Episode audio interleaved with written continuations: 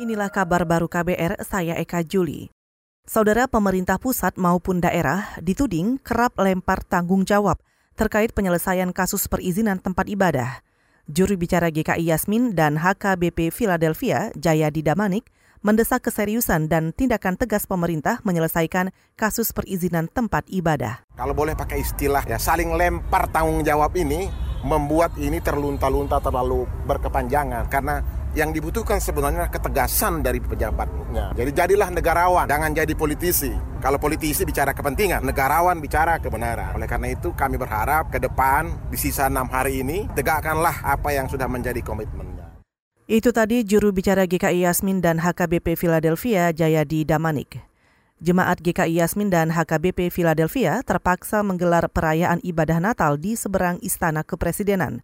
Perayaan ini adalah tahun ke-8 melakukan ibadah di sana sebagai protes karena dipersulit membangun rumah ibadah. Saudara Kementerian Pertanian menjamin stok kebutuhan bahan pangan, maksud kami bahan pokok tercukupi hingga Maret 2020. Menteri Pertanian Syahrul Yasin Limpo mengatakan mempersiapkan kebutuhan bahan pokok dasar agar terus terkendali. Kami mempersiapkan dengan cukup sangat baik dan aman. Di seluruh Indonesia, 10 bahan pokok dasar bahkan tersedia dengan cukup terkendali dengan baik. Ya, kalau yang kita lakukan sekarang mempersiapkan katakanlah sebenarnya sih untuk sepanjang waktu yang ada tetapi sampai Maret kita jamin semua bisa berjalan dengan terkendali dan aman. Menteri Pertanian Syahrul Yasin Limpo juga menambahkan harga bahan pokok akan berfluktuasi atau berubah-ubah sesuai kondisi daerah masing-masing. Ia mengklaim seluruh daerah tercukupi stok bahan pokok dengan harga normal. Kita ke Jawa Timur.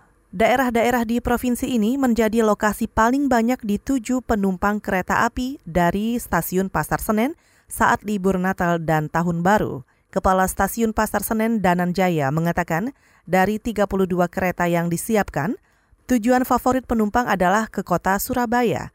Ini terlihat dari data penumpang kereta sejak 19 Desember lalu. Sebaran penumpang paling banyak adalah ke Surabaya, terutama Surabaya Pasar Turi dan sekitarnya. Hingga kemarin saudara 150-an ribu 150 ribuan penumpang sudah meninggalkan Jakarta melalui stasiun Pasar Senen.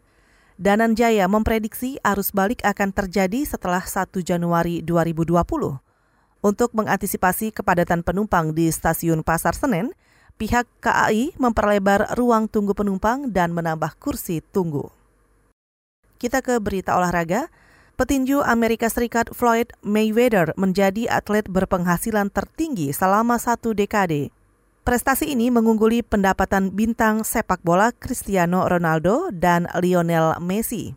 Majalah bisnis dan finansial yang berbasis di Amerika Serikat, Forbes merilis pendapatan Mayweather dengan gaji 915 juta dolar Amerika Serikat atau setara hampir 13 triliun rupiah.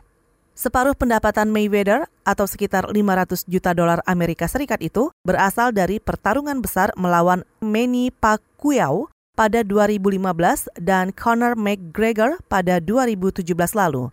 Cristiano Ronaldo berada di urutan kedua dengan pendapatan sebesar 800 juta dolar Amerika Serikat, setara 11 triliun rupiah. Disusul di urutan ketiga ada bintang sepak bola Barcelona Lionel Messi dengan bayaran sebesar 750 dolar Amerika Serikat atau setara 10 triliun rupiah. Saudara demikian kabar baru, saya Eka Juli.